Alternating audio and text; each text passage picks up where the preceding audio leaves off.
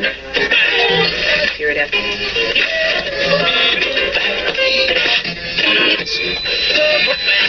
Radio Wolne Media i Radio Paranormalium przedstawiają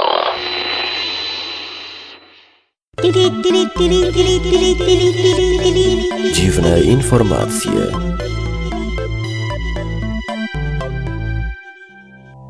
Programie o wietrze, który zdmuchnął samochód, homoseksualnym rozmnażaniu hien, regularnych opadach deszczów ryb, ciaraku z siódemką na głowie i kupieniu biżuterii za pieniądze do gry w Monopoly. Panie, panowie obojnaki i monopoliści, wysłuchajcie proszę dziwnych informacji. Wiatr zdmuchnął samochód. W nocy z 1 na 2 października na Islandii panowały bardzo złe warunki pogodowe. Sztorm i silny wiatr znacznie utrudniały jazdę samochodem, a na drodze do Hörgardaur eh, doszło do wypadku. Silny wiatr zdmuchnął z drogi samochód dostawczy, który przewoził podroby z ubojni. Zgodnie z informacjami podanymi przez policję z Akureyri, no trudniejszych nazw już nie może być. W nocy w okolicy, gdzie doszło do zdarzenia, było bardzo wietrznie. Dlatego dopiero rano przeprowadzono akcję sprzątania towaru, który wypadł z samochodu. W wyniku zdarzenia kierowca samochodu odniósł niewielkie obrażenia, ale został zabrany do szpitala w Akureyri na badania. Próbowali rozmnożyć dwie hieny tej samej płci.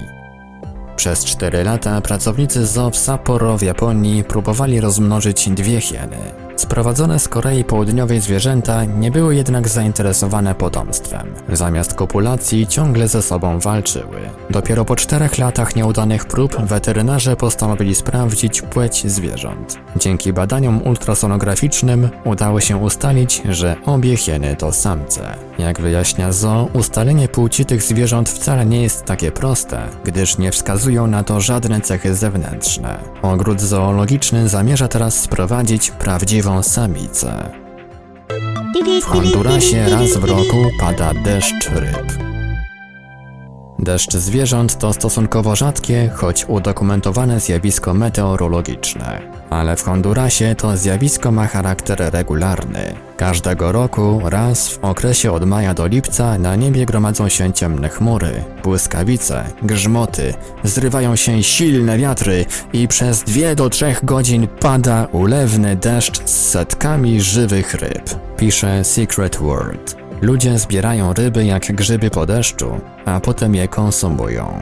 Od 1998 roku odbywa się tam Festival de la Lluvia de Peces, czyli Festiwal deszczu ryb. Według hipotezy silne wiatry unoszą ryby z wód Morza Karaibskiego u północnych wybrzeży Hondurasu na wysokość kilku kilometrów i przenoszą do Joro. Ciele z siódemką na głowie. W Valewood Farms w Loreto urodziło się ciele z łatką w kształcie siódemki na czole. Jak na fanów futbolu amerykańskiego przystało, właściciele nazwali byczka Baby Ben na cześć Bena Roethlisbergera, grającego z siódemką zawodnika Pittsburgh Steelers, którego pieszczotliwie nazywa się Big Benem.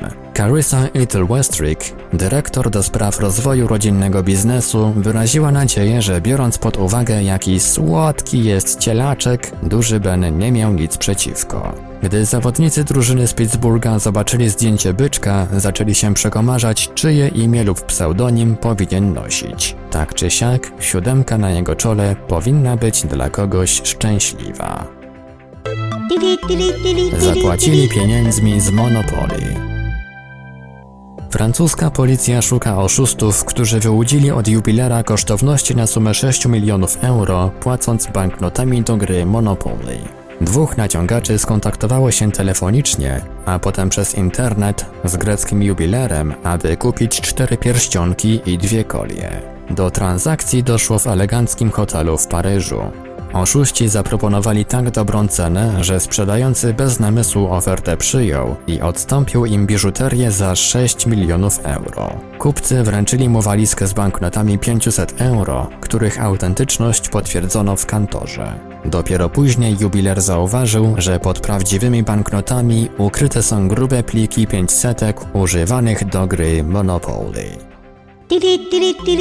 Dziwne informacje. Wiadomości czytał Ivelios. Wybór informacji i montaż Maurycy Hawranek. Podkład muzyczny Protologic.